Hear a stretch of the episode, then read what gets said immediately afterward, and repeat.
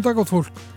Það er samfélagið sem helsar ykkur á þessum líka, já, ágæta en þungbúna fyrstu degi, 20. oktober. Guðmundur Pálsson og Arnhildur Haldaradóttir eru umsjónumenn. Já, og við ætlum að bregða okkur í tímavél í dag, hvorki meirinn að minna og rifja upp hvernafrítægi 1975. Ræða við tvær konur sem að eiga ljóslifandi minningar frá þessum degi að vísu hvor á sínum stað á landinu, önnur í vinnubúðum upp í sveit og hinn á stóra sviðinu á lækartorki. Við ætlum að rýna í tölur um ferðasumarið 2023. Ferðamálastofa tók saman ímisgögn og upplýsingar sem tengjast komu og veru erlendra ferðamanna hér á landi í sumar. Otni Þóra Óladóttir, sérfræðingur hjá ferðamálastofu, er með þessar tölur í kollinum. Hún ætlar að fara yfir þar með okkur á eftir. Og svo verður dýraspjall í lok þáttar. Sindraskil er ný tegund við Ísland og Sindri Gíslason hjá Náttúrustofu Suðvesturlands mætir til okkar með skil til að sína okkur og segja frá. En við byrjum á hvernafrídeginum.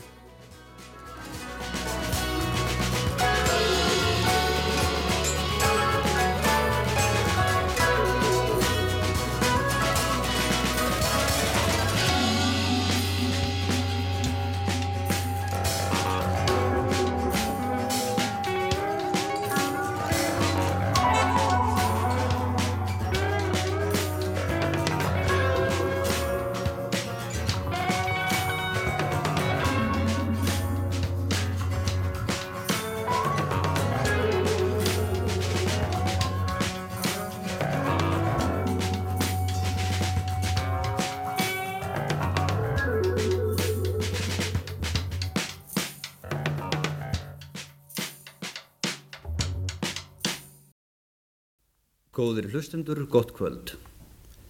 Í dag var haldinn í Reykjavík einn fjölmennasti útifundur sem umgetur á Íslandi. Laureglann gískar á að 20 til 25.000 konur hafi sótt fundin. Um allt land fóru konur í frí í dag á degi saminuðu þjóðana. Áfram sterkur stand á fætur, slítum allar gamla rætur, þúsund ára hvenna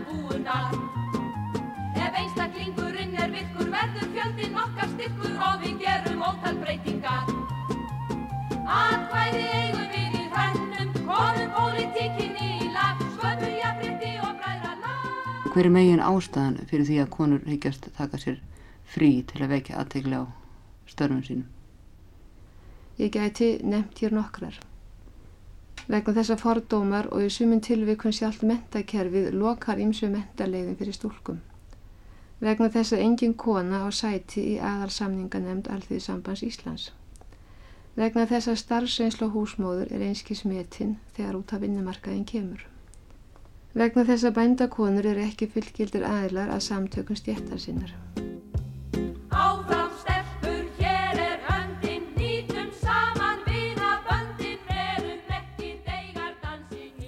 Þetta var að ýmsu leiti óvenjulegu dagur í starfi útarpsins og ég byrð Ólaf Sigursson fréttamann að, fréttamann að segja okkur lítilega frá því.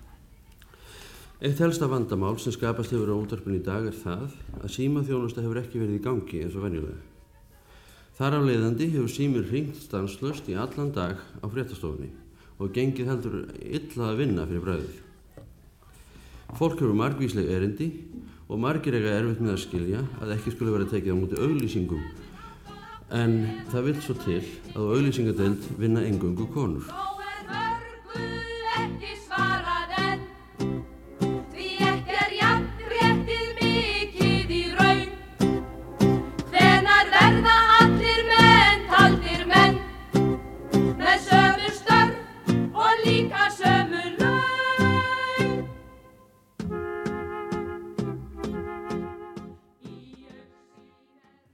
Jæja, þá erum við komnar og komin í gýrin og þetta var, eh, já, aðeins farið aftur í tíman til 1975, 24. oktober og meðal annars heyrðum við þarna í Björgu Einarsdóttur sem var heiðusfélagi Kvenriðtindafélags Íslands og lest í fyrra.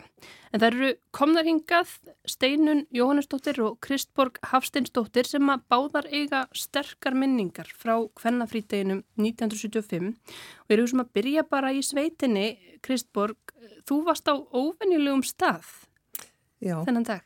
ég var það. Ég var stödd upp í Sigölduvirkjun á- í vinnu þar og við komumst náttúrulega ekkert á staðin til að fara nýra á Lækjartorg og láta sjá okkur þar. Langaði ykkur að fara? Já, það var allavega, við vorum í góðum gýra að fá að fara hana hlut út degi en það var bara ekki tækt viður lengst upp og álendi og Þannig að þið svona tókuð ráðin í ykkar hendur og, og já, fenguð, kríuð út frí þennan dag. Getur það að Já, standa bara við hvernig? ætluðum nú eiginlega bara að kríja út fyrst meðan á fundinu stæði að við bara getum hlustað á útvarpið og staði með konunum hana, og okkur öllum en það breytist þannig að við fengum bara frí allan daginn, það var tekið svo vel í að allt hjá okkur og þannig að við vorum bara borðnar á höndum okkar bara konungborðnar Og þannig voru Þeir- við. Já, já, allir kallmenn bara meirulutin vildi Olmur komast í okkar verk. Fengu færi en vildu en þeir fengu líka ráða matselinum og hann var ekkert slór, það var sko beikon og egg fyrir allan fjöldan um morgunin sem var náttúrulega mjög erfitt. Og steikur og. Já, og við vorum náttúrulega, það var fengum flottan mat sem var þjónað til borðs og vín með matnum sem að náttúrulega var aldrei. Og svo hlustuðum við á útvarpið frá bein útsending sem að var sem sagt við vorum að reyna að vera á staðnum þannig að og þetta var já, svolítið stórt samfélag þarna upp frá meðan var verið að reysa þessa virkun. já, þegar mest lét þá varum 750 manns þar. Þannig að þetta var svona, já þetta var skemmtilegt samfélag náttúrulega mikil og erfið vinna og, en rosa gott kaup Það hefði verið plúsin og Já. þetta var fólk frá alls konar löndum. Það voru Júkoslavar, Ítalir, Rússar og Íslendingar meðal annars, sjálfsagt. Og löndum. kalla voru alveg til í, að, að, í þessi verka skipti eða Það það voru að gefa ykkur frí. aðalega Íslendinganir. Þannig að það var eitt Júkoslavi manni sem að bjó hér á landi sem að tók þátt í þessu og hinnir heldur bara fram að vinna sína vinnu. En eh, þeir voru reyndar sko á því margir eftir á að þeir vildi ekkert skipta af okkur samt. Þetta var erfiðar en þeir heldur. Þannig að þannig hef- hefur í rauninni markmiðin ást á svona auka meðvitundum um störf hvernig. Já, ég held það. En þetta var bara skemmtilegu dagur og ógleimælegur og er svona, já, stendur upp úr í minningunni og höfðu bara allir jafn gaman að því, bæði, sko kallarnir sem komu að og nú voru ekki konur að gefa þeim að borða, heldur kallar með sundur. Þannig að þetta var sérstakur dagur. Já. Krafðist þetta mikils undibúnings að fá þetta í gegn og, og svona þurft að búa kallana undir, undir þetta hlutverk. Í, já, já, við byrjuðum nú tiltölu að snemma á því að reyna að fá frí þennan stuttatíma sko og ég var svo heppin að móður mín var yfir á skonaðana þannig að við byrjuðum á því að fá hana með í lið með okkur og hún segði nú fyrst að þetta væri ógjörlegt svo fengum við hana með okkur í við menna og þegar það var búið að vinna þá eftir svona 2-3 fundi að þá bara allt í einu var eins og skrattin verið laus og þá var bara allt gert og mikið meira heldur við nokkuð tíman áttum vona á. Dásamlegt. Uh, þú varst í allt öru hlutverki steinun. Þú varst á sviðinu og horfðir yfir mannfjöldan á, á lækjartorki, eða Já. hvernfjöldan. Já, en takk fyrir að segja þessa sög úr sveitinni, það er stórkostlega gaman að heyra hana. Já, en þessi dagur í raun og veru eh, byrjaði bara eldsnæmi morgunin með útarsendingu ríkisútarpinu. Eh, Þá, það var svona eiginlega eins og hálgjört kúp, sko, það voru þrjár konur sem að höfðu e, mættu hér, ekki hér, heldur nýra á skólagötu um, með eh, masterteipið af plötunni okkar áfram stelpur sem var að koma út. Var ekki, það var ekki búið að pressa plötuna en það var masterteipið að komið til landsins og það er settu þetta í hendurnar á því sem ég hef sagt rattfegursta þuli ríkisútvarpsins Jóni Múla Árnarsinni og hann fegst þess að spila þetta og ég sem sagt nánast vaknaði upp eða heyri þennan söng um sjöleiti bara í morgunsárið. Og ég get bara aldrei glimt þessu ekki líst þeirri gæðs ræringu, þeirri gæsáðu sem ég fekk að heyra í fyrsta skipti þá auðvitað, sjálf á mig og allar þessar konur sem var sungin á blötuna syngja í auksín er nú frelsi. Og fyrir það mátti vera og síðan hóst sem sagt undirbúningurinn að þessum degi og, og, og hérna og, og um mig að sem sagt uppur haldeginu stóðu við þá á sviðinu í Lækjartorki og sáum þessi undur og stórmerki gerast. Að þetta fór svona langt, langt fram úr öllum væntingum, þessi endalöysi ströymur kvenna sem kom nýður lækjargötuna, bankastrætið, nýður sem sagt laugavegin og bankastrætið, úr lækjargötunni, úr austustrætið og síðan líka sagt, neðan frá höfninni því að Akraborgin kom frá Akranessi með fullan bát af konum og þar á meðal vissi ég að mamma mín var en ég vissi ekki að amma var með í hópnum. Hún kom á skipinu. Já, og þetta er nú, þetta er nú reynda vilt svo til að þetta er ammælstagurinn en ömmu. Amma var fætt 20. oktober, þegar við erum að tala saman, 20. oktober eh, 1896 og þegar uppið staðið þá voru við fjórar kynnslóðir kvenna sem sagt amma, mamma sem var fætt 24, ég fætt 40, 1948 og, og elsta dóttur mín fætt 68 við vorum allar þáttakendur í þessum degi. En það er þessi, þessi gríðarlega þáttaka, þessi ótrúlega stemning og uh, ræðurnar, sérstaklega ein ræða er algjörlega ógleimanleg. Það var þegar verkakonan aðal heiður Bjart Freistóttir stóð eins og eins og þvottakonan, getur maður sagt, sko hans áskrims, stór og mikil og þrjumaði ræðuna sína bladalust, týndi út úr sér setningarnar, e, málaði upp mynd af skilurðum verkakvennana og setti fram kröfur. Þetta var alveg ógleimanlegur styrkur sem þessi kona bjó yfir. Og svo sko við þarna, þarna er ég semst að ung leikona og kemað þessu máli sem leikona, syngjandi leikona sem er búin að taka þátt í fullt af baróttufundum uh, allt árið, All, allt þetta undirbúinisferli og, uh, og svo bara erum við þarna með uh, þennan nýja baróttusöng sem að ég hafi flutt til landsins frá Svíþjóð því að eh, hér á, á Íslandi var vissulega einstakta að konu tækja svona frí en þetta var hluti af alþjóðleiri reyfingu.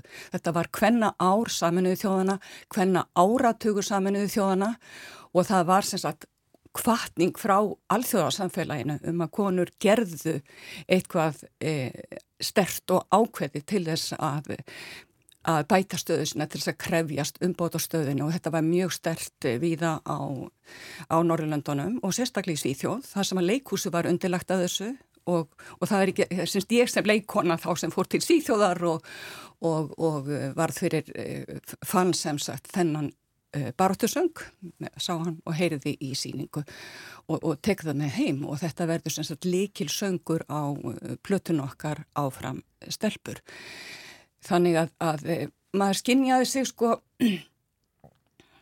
það var svo mikil fögnuður. Þetta var svo, það var svo ótrúlega gaman að fá að standa þarna og mæta öllum þessum andlitum, öllum þessum konum með kröfuspjöldin sín á lofti og, og svo ein, einstaka karmaður sem að, e, tók þátt í þessu fundi líka en flestu voru þeir eins og til dæmis maðurinn minn, hann var náttúrulega, hann hafiði dóttur okkar með sér í vinnuna fyrst og svo fóruðu eitthvað nýrið því, ég sá hann ekki þennan dag. En, en þeir sem sagt tóku eins og, eins og hún lísti, hef, hef, þeir hefðu gert þarna við Sigöldu kallani, þeir þurftu að taka öll þessi verk að sér og gerðu það, vonandi flestir með bærilegri kleði og vissu stolti sumi voru nefnilega mjög stoltir af sínum konum. Já, mín kettling, hún fór á fundin sko. Þetta var, þetta, þetta er ólýsanlega stemning vegna fjöldans, vegna gleðinar, vegna söngvana sem við vorum að kynna þarna í fyrsta skipti og áttu síðan eftir að fá langt eh, líf, sérstaklega þessi baráttu söngur mm. í framhaldinu. Og platan kom út? Platan kom út og hún kom út bara nokkrum dögur setna og þess vegna var hægt að hafa mynd af öllum þessum mannfjölda uh, á lækjatorki á baksíðu plötunar. Ég ætla einmitt að minnast á það sko. Það, það, það þessi... munaði þarna örfáðan dögum sko. Já, það er þessi sterka framlýð á plötunni sem við þekkjum. Hún er frábærð og þetta er Kornung listakona sem að uh, gerði þetta, Sigrun Eldjárn, þetta er með hennar fyrstu svona merkilegu verkum. Það er þessi stórkoslega blöt, þetta, mynda á plötuumslæginu sko af personunum sem við erum að syngja um því að við vorum að segja sögur hvenna við vorum að segja sögur hvenna og, og uh, rekja sem sagt, já, sína fram á kjörðira og mm. batna í sumu tilfellum og, og þetta voru sem sagt sannar skáldaðarsögur mm. og, og svo þessi mikla baróta. Við viljum ekki hafa þetta svona. Mm. Við viljum betra líf, við viljum meiri réttindi, við viljum fá að, að vera eh, metna til jafsvið eh, karlana. Og svo síðan átti mjög, mjög, við vissum það auðvitað ekki þá þó þetta væri alveg ógleimalegt þetta skildi verða svona stórt og langt um stærra heldur nóttum vona á. Hversu mikil tímamót þetta urðu, það sér maður ekki fyrir en svolítið, setna, mm. maður veit ekki þegar maður er að taka þátt í einhverju sem að er í raun og veru tímamóta viðburður Og svo sjáum við myndina á bakliðinni allur þessi fjöldi, allur þessi fjöldi. gríðalega fjöldi og stemmingin uh, skilað hún sér gegnum útvarpið, voru þið á segvöldu svona Já, funduð þið fyrir þessari miklu stemming og þessu miklu barastu anda? Við, við vorum mjög peppaðar og, og vorum ákvæmir í að þetta væri okkar framleg sko en við dauðum öfundum það líka að vera nýra velli sko við höfum alveg vilja að vera þar en það var bara ekki hægt þannig að við útbjögum okkar og við sátum og hlustuðum saman. Þannig að þetta var það, var það sem við gáttum gert. Mm. Þetta verðist einhvern veginn hafa hreift bara við já, næru öllum konum á Íslandi þessi dagur, þessi viðbörður þetta var alveg stórkostleg mynd til af ömmu minni þegar hún kom með konunum aftur upp á Akranes hún og, og bara, ég, ég skrifaði eitthvað um fyrstum að amma aktivisti sko, þetta var alveg örugli í fyrsta skipt og æfinni 79 ára gömul sem að maður getur sagt að hún hafi verið aktivisti. Og hún var no. svo ánæg hún var búin að taka þátt í, í hvemfélaginu náttúrulega og slísararnafélaginu og allskynns líku sko en að vera í einhverjum svona mótmælum það var ekki hennar um, hennar venja. En þarna gerðum það. Kanski eitt í lókin sko hvernig lög þessum degi? Ég bara reynlega, maður bara, uh, maður var bara, ég man ekki eftir einhverju sérstöku partí eða öru heldur en því að maður var bara á þvælingi um allan bæin á milli funda því að það voru alls konar kvennfjölög og, og staðir sem voru með sko einhvers konar samkomur mm -hmm. og maður var bara einhver rúsi. Ég, ég, og ég, ég man ekki til þess að ég hefði, ég sá ekki ömmu til dæmis og ég sá ekki dóttu mína mm. og sennilega þá ekki mömmu heldur þó við höfum alla verið þarna. En, en eh, síðan náttúrulega bara uh, urðu áhrifin að fimm árum síðar er uh, Vítis Kosin fósiti, fyrsta konan og svo koma svo kemur þetta koll af kolli hvenna uh, frambóðin í sveitafjölugunum og hvenna listin og, og loksins fer konum að fjölga á þingi. Það voru þrjár konur á þingi 75 núna er meiri hluti hvenna e, meiri hlutin í ríkistofn Íslands konur, fimm konur á móti fjórum kvöldum. Þannig að, að á hennu pólitíska og, og, og réttinda sviðinu hefur orðið algjörbilding en launamönnurinn er ennþá skandall. Ummitt. Og þess vegna hefur við búið til annars verkvalls, alls þeirra verkvalls. Já, næsta þriðdag. Næsta þriðdag. Já. En bara takk innilega fyrir að koma og, og rifja þessa minningar upp með okkur, uh, Kristborg Kastinsdóttir og Steinun Jónasdóttir. Það var virkilega gaman. Takk. takk. Viljum að heyra lag. Já, viljum að heyra lag með ljónsettinni Pilti og Stúlku, lagi Kvenna árið. Já, í þessari sveit voru Sturla Erlendsson og Ingebjörg Ingadóttir og þau komu mjög víða við á þessum degi fyrir 48 árum, uh, 24. oktober, á opnum húsum, svo kvöldum.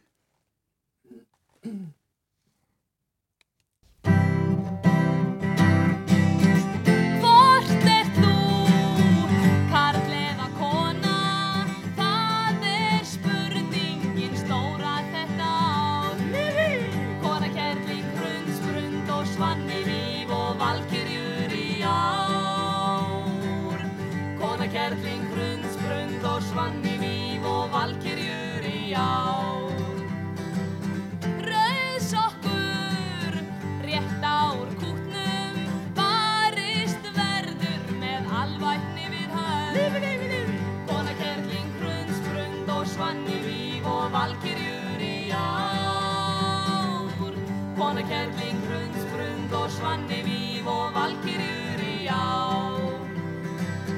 Meira kaup, konum til handa, húsgreiur á hæsta taksta og bónus fyrir börn. Kona kerling, hrundsprund og svanni víf og valkyrjur í ár. Kona kerling, hrundsprund og svanni víf og valkyrjur í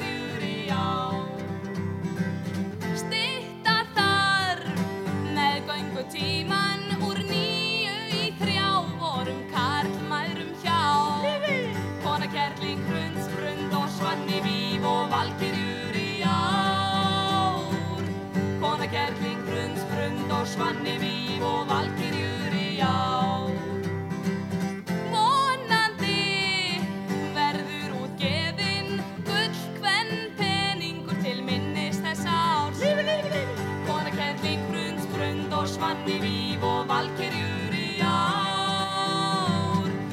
Kerling, hrundsprund og svanni víf og valkyrjur í ár.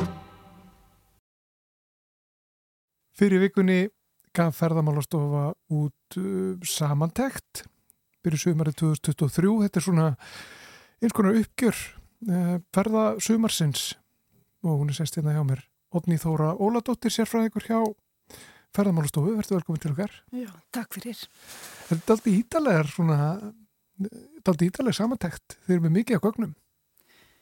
Já, það sem við erum að byggja á í þessari samandætt, þetta byggir náttúrulega á þessum brottfaratölum sem við höldum úti á kjapleikuflúalli og síðan blöndum við þessu saman við e, tölur hérna hagstofunar með gistinætur og þetta er þess að við höfum verið að gefa út þess að ferða þjónstu tölum á mánadar fresti, þá erum við með svona hlaupandi ár en síðan erum við að gera sömurinu svona betur skil og síðan þegar við tökum árið saman í heilsinni gerum við svona smá greiningu. Og það er hansi margt sem að uh, er verið að skoða. Það er, sagt, það er þessar uh, brottfærir, svo nefndir, mm. uh, gistinætur, frambúðunýting á hótelum og svo er ímislegt sem er vitað um svona hvað fólk er að gera.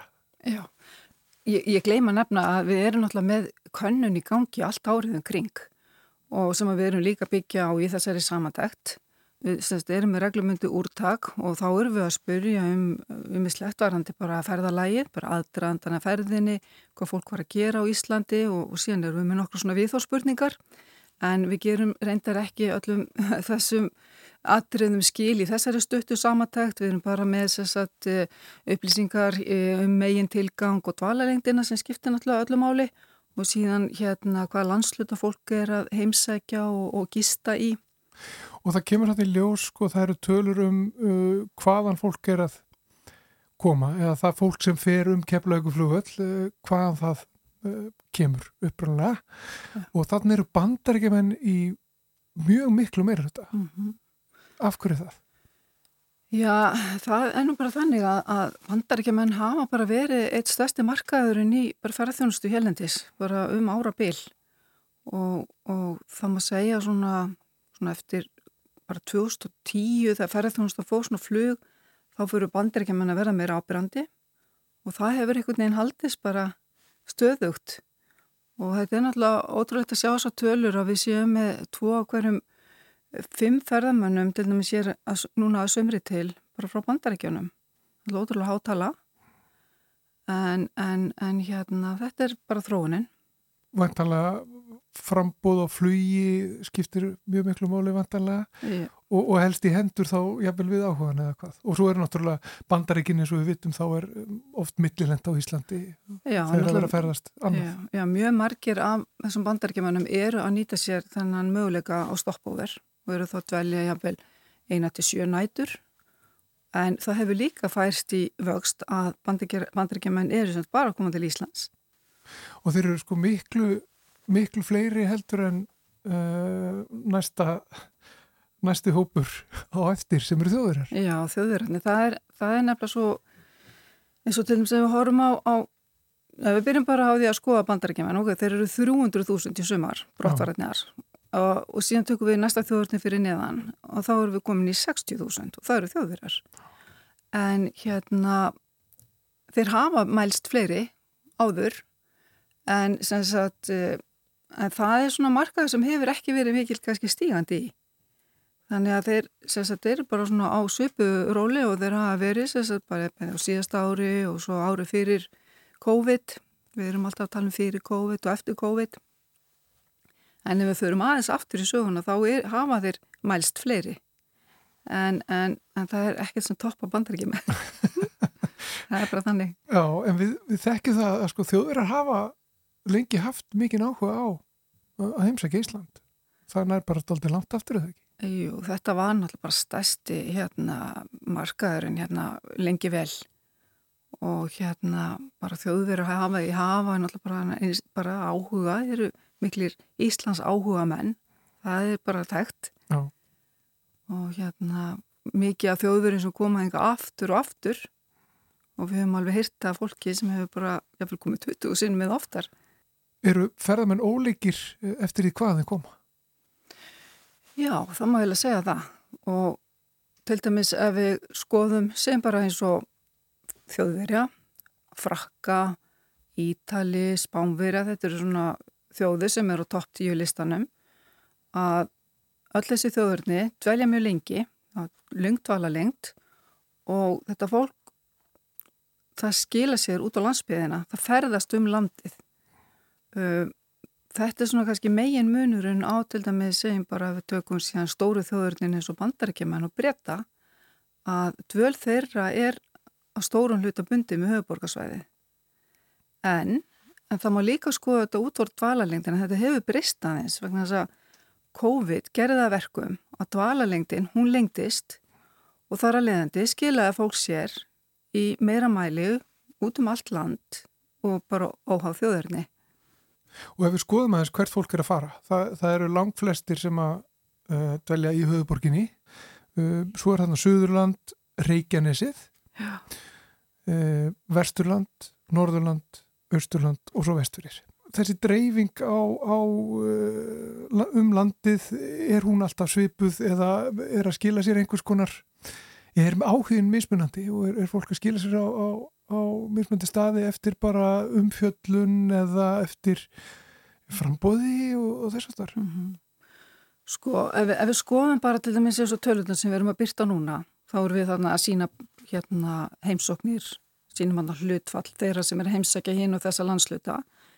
En við skoðum þetta til dæmis bara fyrir COVID A, og, og þetta, þetta segir manni að veist, þessi lengri dvalalengd, hún, hún hefur skilað sér þannig að það eru fleiri hlutvarslega að fara á þessi jáðar landslutu við getum kallaða sem svo eins og til dæmis vestfyrðina svo 2019 þá eru 16% sem sögust að heimsótt að sömri til vestfyrðina en þetta hlutvalli komið í 22% í sömar og sama má segja um Austurlandi það voru 38% 2019 en það komið upp í 41% og Norðurlandi 42% 2019, 48% 2023 Þannig að þú veist, bara það að fá ferðamennina til að dvelja lengur, það gerir það verkum að fólk hérna hefur betri tíma og er tilbúið að fara lengri vegalengdir.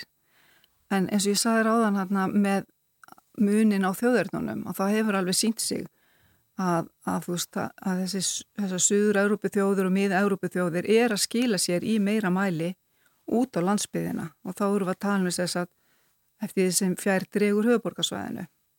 Það er einn þjóð sem er ekki þarna á topp tíulistanum, það er Kína og það var mikill vöxtur í, í komi ferðamanna frá Kína er það ekki hérna mm -hmm. fyrir COVID að mista kosti um, svo var nú já það var sagt frá því fréttum þegar að það svona opnaðist betur á, á ferðir frá Kína hafa kynverski ferðamann ekki, ekki skilað sér aftur? Nei, það bara, þeir hafa ekki skilað sér og talandum kynver, sko, þeir voru til dæmis í í hérna þriðja sæti sérst ára 2019 og þeir voru sérst í fjórða til sjötta sæti 2000 hérna, já, nei, í sjötta sæti 2018 en núna bara þeir hafa ekki skila sér. En það verður líka að hafa kannski líka í huga að, að við vorum líka mikið að fá kýmverja sem að voru jáfnvel búsettir í öðrum löndum. En svo til dæmis við vorum að sjá að þeir nú eru kannski komin út fyrir sömartíman en þess að til dæmis um jólaleiti var mjög vinsalt fyrir kým, kýmverska stúdenta sem voru kannski búsettir í London og koma hengað. Því við teljum sem sagt Við erum að telja sagt, á keflugufljóðalli út frá þjóðarnónum, út frá hérna vegabrefinu en ekki búsetunni.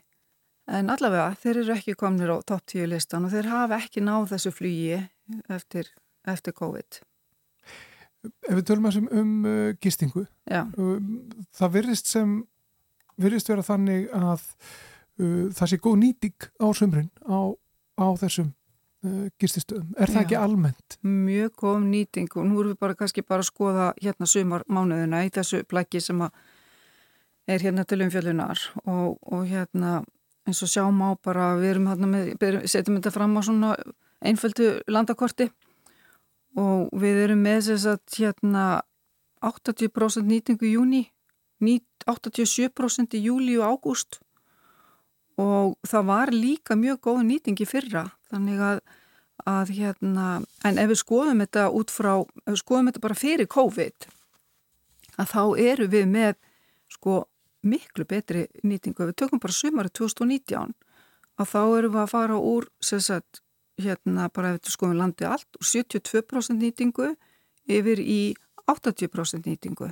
Og síðan á júli við erum að fara úr 81% í 87% og í ágúst 83 til 87% kannski tólti mikið að tölum en maður vinnur með tölur. Að, hérna, og, og, sagt, og ef maður skoða síðan bara einstaka landsluta þá eru við að sjá sko gríðarlega bara aukningu á nýtingu bara segjum bara til dæmis á Östurlandi og, og Norðurlandi. Þegar að, þið farið þessar tölur og, og, vegið þar og, og metið mm -hmm. er þá eitthvað sem að kallar á okkur? Þetta þurfum við að laga. Hér er eitthvað sem þurfum að bregðast við. Já, nú er ég svona manneskja sem er bara bútið fóður fyrir síðan þá sem að taka ákvarðaninnar en þetta hugsa maður sett sko. En, en að því að það er alltaf verið að tala um sko dreifingu, betri dreifingu, betri nýtingu og allt þetta að þá eru við sko því að sko ferðarþjónustan er náttúrulega bara í, sko hún er náttúrulega bara ástíðabundin, þú veist það er ekkit það er á ekkit sérstaklega við um Ísland þetta bara á við um bara heimallan og við erum búin að gera hérna greiningu hjá til dæmis ferðarmálastofa þar sem vorum að skoða til, til dæmis þessa ástíðabundin dreifingum og bárum okkur saman við Norðurlandin. Og við vorum með mestu ástíðabundin dreifinguna fyrir nokkrum árum. En við erum komið núna í annarsæti yfir sko bestu dreifinguna. Finnar eru aðeins betri, eins og má segja.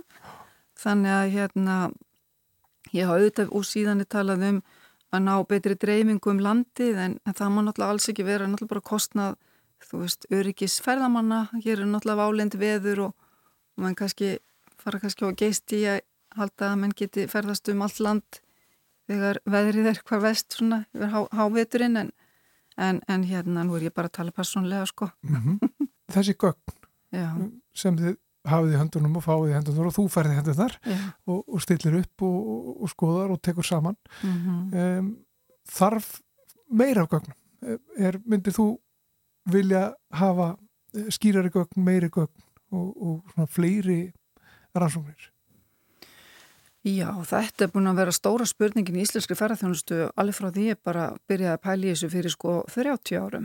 Þannig að hérna, það er alltaf verið að ósköfti betri og áræðanlegri gagnum. En það má ekki alveg tapa sér í særi umræðu. Ef við skoðum þetta bara með liðsjón af öðrum þjóðum, að þá held ég að við stöndum okkur ágætlega, sko, það eru fáar þjóði sem eru með handtalningu á ferðamönnum á, á hérna í flugstöðum þjóður er að byggja tölur út frá gistinóttum, út frá könnunum og, og þannig að ég held að við stundum ágætlega þar. Uh, Hagstofa Íslands er að sapna gistinóttum uh, og það gerur hún samkvæmt Evrópustöðlum og, og ég get ekki betur séð en að það sé bara, það er bara besta sem gerist á markanum. Um, jú, við viljum kannski vita, fá kannski eins og til dæmis væri gaman að hafa í þessari samantækt um, að hafa sérstaklega útgjöld ferðamannsins. En það er eitthvað sem að vinst ekki svona kannski hratt. Uh, áriður yfirleitt gert bara upp og, og það eru komnir uh, mjög fínir ferðarþjónustureikningar sem Hagstofan heldur utanum sem að gefa til kynna hérna útgjöld og, og, og hvernig þau dreifast. Það er verið að kalla eftir að það séu gerði ferðarþjónustureikningar á, á, á einstaka landslutum það er svona kannski sko landslutarnir svona vilja fá betri kannski upplýsingar upp, um sitt svæði það er náttúrulega bara mikilvægt að hafa grunngögg til þess að vinna út frá Við erum að gera þessa kannanir, það sem við gerum mælingar allt áriðum kring. Við erum að sapna um, þúsund sörum núna í dag og hverju mánuði og þá erum við með eins og ég nefndi þarna áðan. Við erum að spurja um aðdraðandan, uh, kaupferlið, þú veist, þetta eru mjög svona bara einfaldar spurningar sem fólk er að svara bara síðustu mínútum í landinu. En það þyrtir náttúrulega að fá kannski miklu betri upplýsingar um síðan hvað fólk er að gera innan hvers landsluta og hvað þeim finnst og hvernig þeir upplifa þjónust og annað. Og það má ekki gleyma landsmönnum. Það er verið að gera uh, reglubundna kannanir það sem er verið að, að kanna viðþorf Íslendinga til ferðamanna og ferðaþjónustu. Það er kannski líka eitthvað sem maður má huga betur að, þú veist, það er að gera e, betri, hafa betri gögn um bara markaðana. Þú veist, upplýsingar um vöruþróun eru við við að standa okkur það, eru við að skapa það vöru sem er eftir svo, við erum greinlega að gera vegna þess að fólk eru að koma. Mm. en, en það er svona má hugað ímsu, það er, já. Eitt sem er ekki þannig að það eru skipin. Það er ekki þannig, þetta er, þetta er bara brottvarir á kemlaug frúvöldi Já, við höfum haldið, haldið þeim aðeins út fyrir sko. Uh, við erum með þess að tölur alveg byrtar á heimasíðin okkar og það er alveg fylst með því sko, það er mikill áhugju fyrir því, það er til dæmis, ég get nefnda núna að við erum að, að til dæmis að gera könnun með skemmtiskipa farþið þar sem við erum að skoða útgjöldira það er svona þessi svona verða svona hvað maður að segja, það er svona almennt tali að þeir sé ekki skilja nógu miklu eftir. Og þetta séu bara einhver hafnagjöld og, og, og þessi gestir séu, séu eiginlega, já, skipti ekki öllu máli en en svona, jú, þetta er svona sá hópu sem er verið að leggja áherslu á að skoða þess að dagana Svo er framöndan, sko, það er náttúrulega veturinn, það, það eru ferðamenn sem koma hingað heilmikið á, á, á vetuna Já. og það hefur breyst mjög mikið. Já, sko þess að ég segði áðan, sko, þá er þessi ástíðasveifla, hún er, hún er að minga og, og þá má segja til dæmis eins og sem bara til dæmis, um, til dæmis breyta, breytar er til dæmis gestir sem koma allt áriðin kring.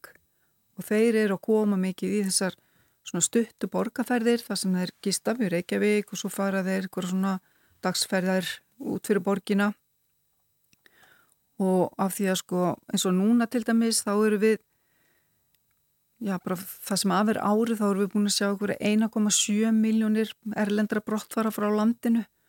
Og við gerum til dæmis ráð fyrir að, að að við munum vera svona mitt og milli að vera sem sagt svona, já, sikur um einn en við tvær miljónir þegar árið er gert upp. Þannig að ég held að sé ekkert láta því að, að gestur munu koma inn í vetur en það, en það sýnir að það sé bara best út á göttunni og já. það er ekkert nefn að ferða fólk að berjast núnum í ríkningunni Já, einmitt. En uh, hafa svona tölur sko notið þar til að spá fyrir um, um næsta sumar? Já, það er, ég heyrði nú um að líka er frá hann Jóhansi þarna frá Safa, þetta myndir nú svona leita jafnvægis, menn vilja kannski ekki að við séum að fá svona gríðarlega aukningu eins og hefur verið, við erum búin að vera, náttúrulega COVID setti strikir reikningin, en frá 2010 þá hefur við verið að sjá alveg gríðarlega aukningu ferðamanna og ég held að, að menn séu svona svona sátti við að þetta að drægi úr þessu og við séum bara að fara að sjá svona svipaðu aukningu og svona þjóðu sem við viljum byrja okkur saman við allavega að sé hægur stígandi í þessu. Mm. Rétt í lókin, e, eru verðið vörfið að uh, fólk komi frekar núna á sumrin á heitasta tímanum annar stað sko, það er nú, við heyrum nú fréttum sko, tíðar hittabilgjur mm. viða um heim og, og þess aftur og þetta á, á þessum stærstu markasöðum, Suður-Európu, bandaríkjónum náttúrulega og, og víðar þar sem hafa verið miklir hítar sérstaklega í, í júli og ágúst og jafnvel september. Hafa verið verið þetta? Sko þetta er nefnilega akkurat það sem við erum að fara að gera núna. Það kannski á ekki alveg við núni veitur en við ætlum að bæta þessu inn í hérna könnunin okkar að við spurjum um hvað er það sem að hafa áhrif á og þú komst til Íslands. Og þá velur fólk á meilin okkur á þátt og það segir bara já, nei, já, nei. Og við ætlum að bæta mitt þessari spurningu inn. Var það hitin mm -hmm. í þínu heimalandi sem geða verkum þú komst eða ekki? Já. þannig að það verður áhugavert að sjá það. Við sjáum það kannski bara á næsta, næsta sumar Já, einmitt. Gaman að fá því heimsókn Otni Þóra Óláttáttir, sérfræðingur hjá ferðamálastofu. Takk fyrir að fara yfir þessar tölur með okkur. Hefur takk fyrir.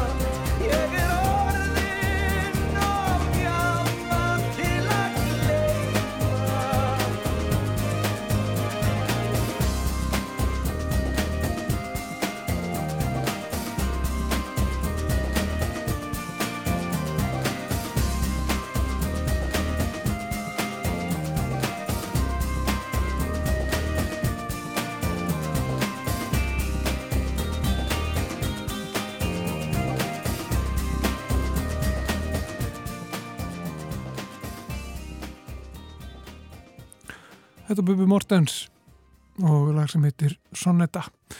Við erum að gýra okkur hér upp í dýraspjall sem verður hér eftir nákvæmlega eina mínútu, eina málfarsmínútu náttúrulega til tekið.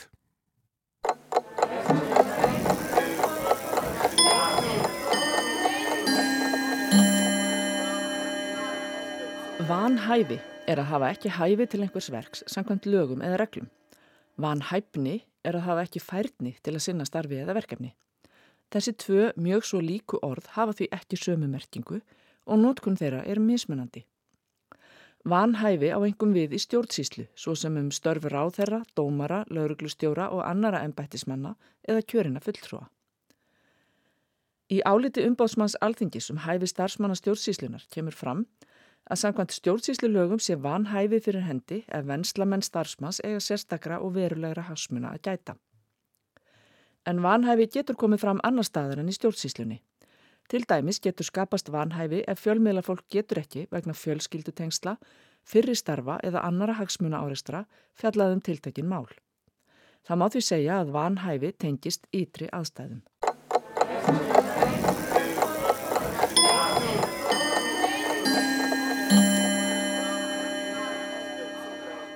Já, dýraspjallið, þá er hann kominninga hann Sindri Gíslason forstöðumöður Náttúrustofu Suðu Vestulands og við ætlum að ræða nýjan landnema. Og þú með þess að komin hérna með uh, síni af, af kveikindinu, þetta er Sindra Skél uh, heitir hún í höfuð á þér eða nefndir hana kannski? Nei, ég nefndi hann ekki. Hérna Karl Gunnarsson og Hilmar Malkvist þeir gáði henni nafn. Og þetta er vísun í, í dvergin Sindra. En það var sagt, það var búið að gefa einni hnífskel nafn áður hérna sem að fundust tvö intök 1957 við Lón í hérna Suðausturróninu og þá hérna þeirri skil var gefið nafni Fápniskil og Fápnir var dvergur þannig að það var haldið í þessa nafnahefð. Þannig að þetta vil svo skemmtilega til bara að ég er að vakta hana og rannsaka hana. Þetta er nýtegund? Já Og hvernig eh, kom hún í, komst hún í eitthvað hendur? Sko, það vill hann til að á gamlástagar 2020 þá var eh, Finnur Malkvist að fjörulallast, bara rölda í, í kvalferði og Finnur þarna nokkur nokkrar tóma skelljar og eins og þið sjáu bara lögunin er svolítið sérstök þetta er ekkert líkt neitt öðru hérna sem finnst hérna. Nei, og hann, hann sá það strax. Ó, brustana Nei, ég brust hana ekki, ég bara mist hana hérna. Þetta er eins og nýfur, þetta er svona Já, og hann bara uh, tók intökinn og, og kom þeim hérna að náttúruminjasafnið. Og þá hófst bara svona uh, svona spjall með að lífræðinga þetta væri nú svolítið sérstakt. Og, en þetta voru tóm tómar skelljar svo gerist að 20. Sérst, rúmum tveimum mánum setna 28. februar 2021 að eh, Guðni Magnús Eiríksson lífræðingur hann er að fjörulallast það er í borga hérna, við borganes eða við, hérna, já í borgarferði og þá hérna hann er bara að leta eftir krækling og sér hérna skél og ná sem hann bara mjög hissað að sjá. Og það er lifandi eintak af nýfskel þarna verða svolítið tímamót. Og uh, því að það er náttúrulega fólk er að bera alls konar uh, dót bara til að elda hérna til Íslands og þannig að þessi eintöki kvalfyrir það er bara geta verið ykkur að henda þessu útbyrjus í skemmtibát eða eitthvað sko. Þannig að að finna lifandi eintak það var, það var hérna svona mikilvæg varða og þá í kjölfæri á því þá þarf ég reyna að leita þessum skeljum þegar það er góð fjara. Og það gerist ekki nema bara mánaðarlega. Mm -hmm.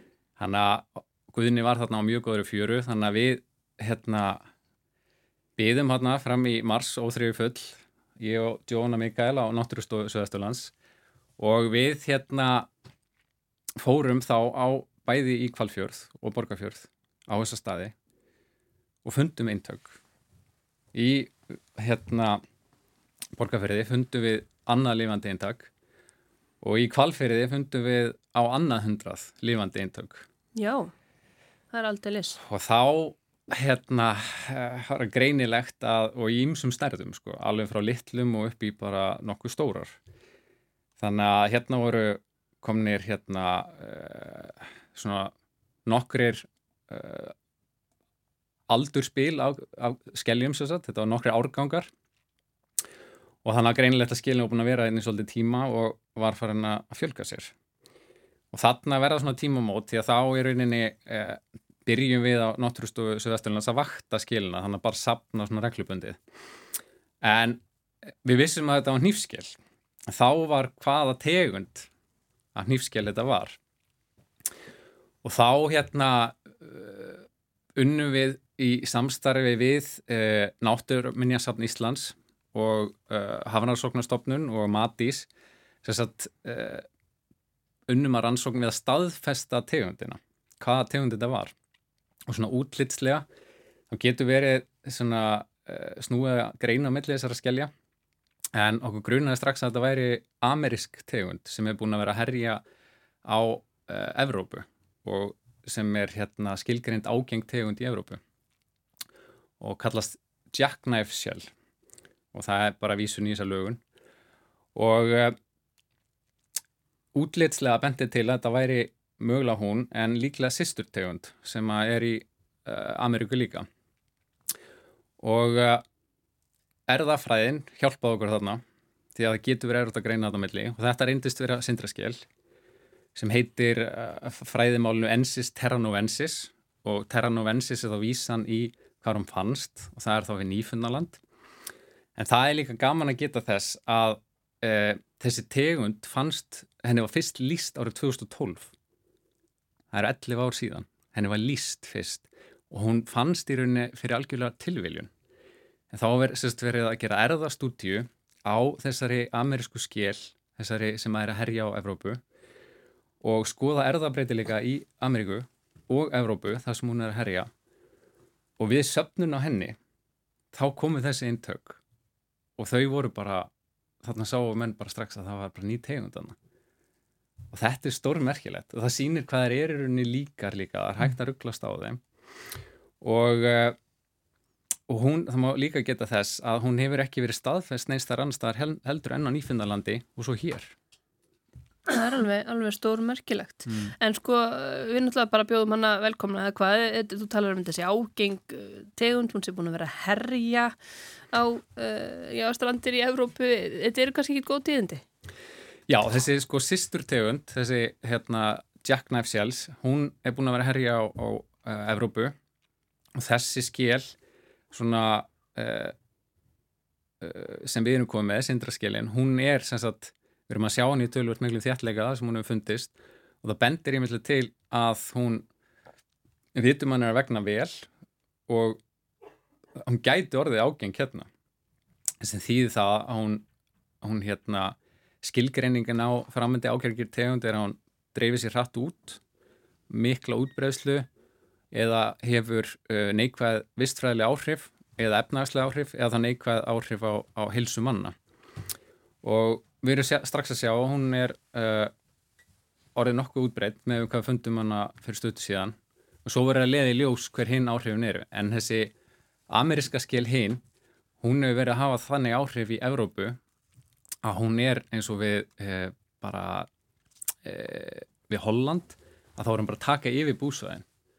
Bara að gjör sannlega það er bara ekkert nema eh, svo skil og það er rosalega lífþyngd og, hérna, og þjertlegi og innlenda tegundir hörfa þá bara gjör sannlega afsvæðinu og það er breyta þá þetta eru síjarar og það breyta þá bara eh, kornastarað umhverfinu og hafa mjög svona drastisk áhrif á nærlegjandi umhverfi. Þannig að það eru gjörsanlega mótandi á hvað er á þessum búsæðum. Og þetta er náttúrulega eitthvað sem við viljum ekki upplifa en því hún er komin þá, þá getum við í rauninni ekki haft uh, mikið um það að segja. En það sem við vitum þá allavega er að þessar hnífskeljar þar eru mjög vinsæl hérna, uh, matfiskur. Þannig að Íslandikar þekkja eh, mjög líklega þessar skelljar þar sem þeir fara erlendis mjög oft í Evrópu og fara á veitingahús því að þá geta þeir fengið þetta á matsteli og þetta er nokkuð vinsælt og fólk er ofta að taka þetta með skelljarnar heim því að þeir eru, eins og við sjáum, þetta eru svolítið flotta skelljar og minna á svona gammaldags ragnýf mm -hmm. og oftar en ekki er þetta til á heimilum svo gleimist kannski bara þetta fer kannski kynslu á milli svo gleymist hver fjekk þetta eða hvað. Og hérna þetta er til dæmis, við hefum fundið þetta í skelljasöfnum hér og við erum vitum ekki hvort einstaklingarnar hafa fundið það hér eða komið með þetta erlendis frá en það er líklegri skýring heldur en að það er að vera hér Getur við aðeins rætt að hvernig þetta kvikindi komst hinga? Þeir eru með kenningum það er það ekki? Þetta hafi komið með kjölfestu vatni flutningarskipa? Jú, líkt og hérna sagt, skilin er með sviflagt lirfustig og þetta er þessi þekkti flutningsmáti með uh, margra tegunda sem eru með svifla lirfustig, er að berast með kjölfvatni flut, eða, skipa og uh, uh, sko náttúruleg dreifing til Íslands væri ómöguleg. Og við getum bara nota hérna rannsókn mín á grjótkrabba í því uh, því til stuðnings. Og það, það tæki yfir 600 daga fyrir lirfur að berast með ströymum til Íslands. Og það er langt út fyrir þetta lirfuþróskuna tímabil hjá tegundinni. Og ekki syndir hún þó hún geti synd stutt þá syndir hún ekki, ekki, ekki til Íslands. en þetta er það því að það átti nú að vera að vera einhver reglugjörðum að það ætti að skipta um kjölfyrstu vatni eða sóttrins eða eitthvað, ég man ekki hvernig það var. Það, það verður ekki alveg gengið eftir fyrst hún er að koma þessa leiðina enga Nei, það var sett, sett uh, hérna reglugjörð 2010 en það all skip sem kom inn í etnagslóksöguna skildu skipta út kjölfyrstu vatni. Og mjög hérna, mikilvægt að þessi reglugjörð var sett á en það og all skip þurfu að halda kjölfyrstu dagbók. En e, það hefur að mér veitandi aldrei verið tekið síni til að staðfesta þetta. Og það er eitthvað sem þarf alveg virkilega að gera. Þetta því að það sem við erum að sjá í okkar vöktun hjá Náttúrustóðus og Vesturlands sem er eina stofnunni sem er virkilega að sinna vöktun á framöndið tegundum að hérna þá erum við bara að sjá tegund eftir tegund eftir tegund koma til landsins. Og e, árið 2015 voru 15 þekta tegundir nú eru það um 40 og þetta er bara fyrir tilstöðlan okkar starf sko Þannig, Já, þannig að það eru fleiri að núti sem á eftir að finna bara, það getum bara nánast gefið okkur það. Já. Þetta er ótrúlegt. Takk hjálpa fyrir að segja okkur frá Sindraskilinni, Sindri Gíslason. Takk fyrir. Takk fyrir komuna.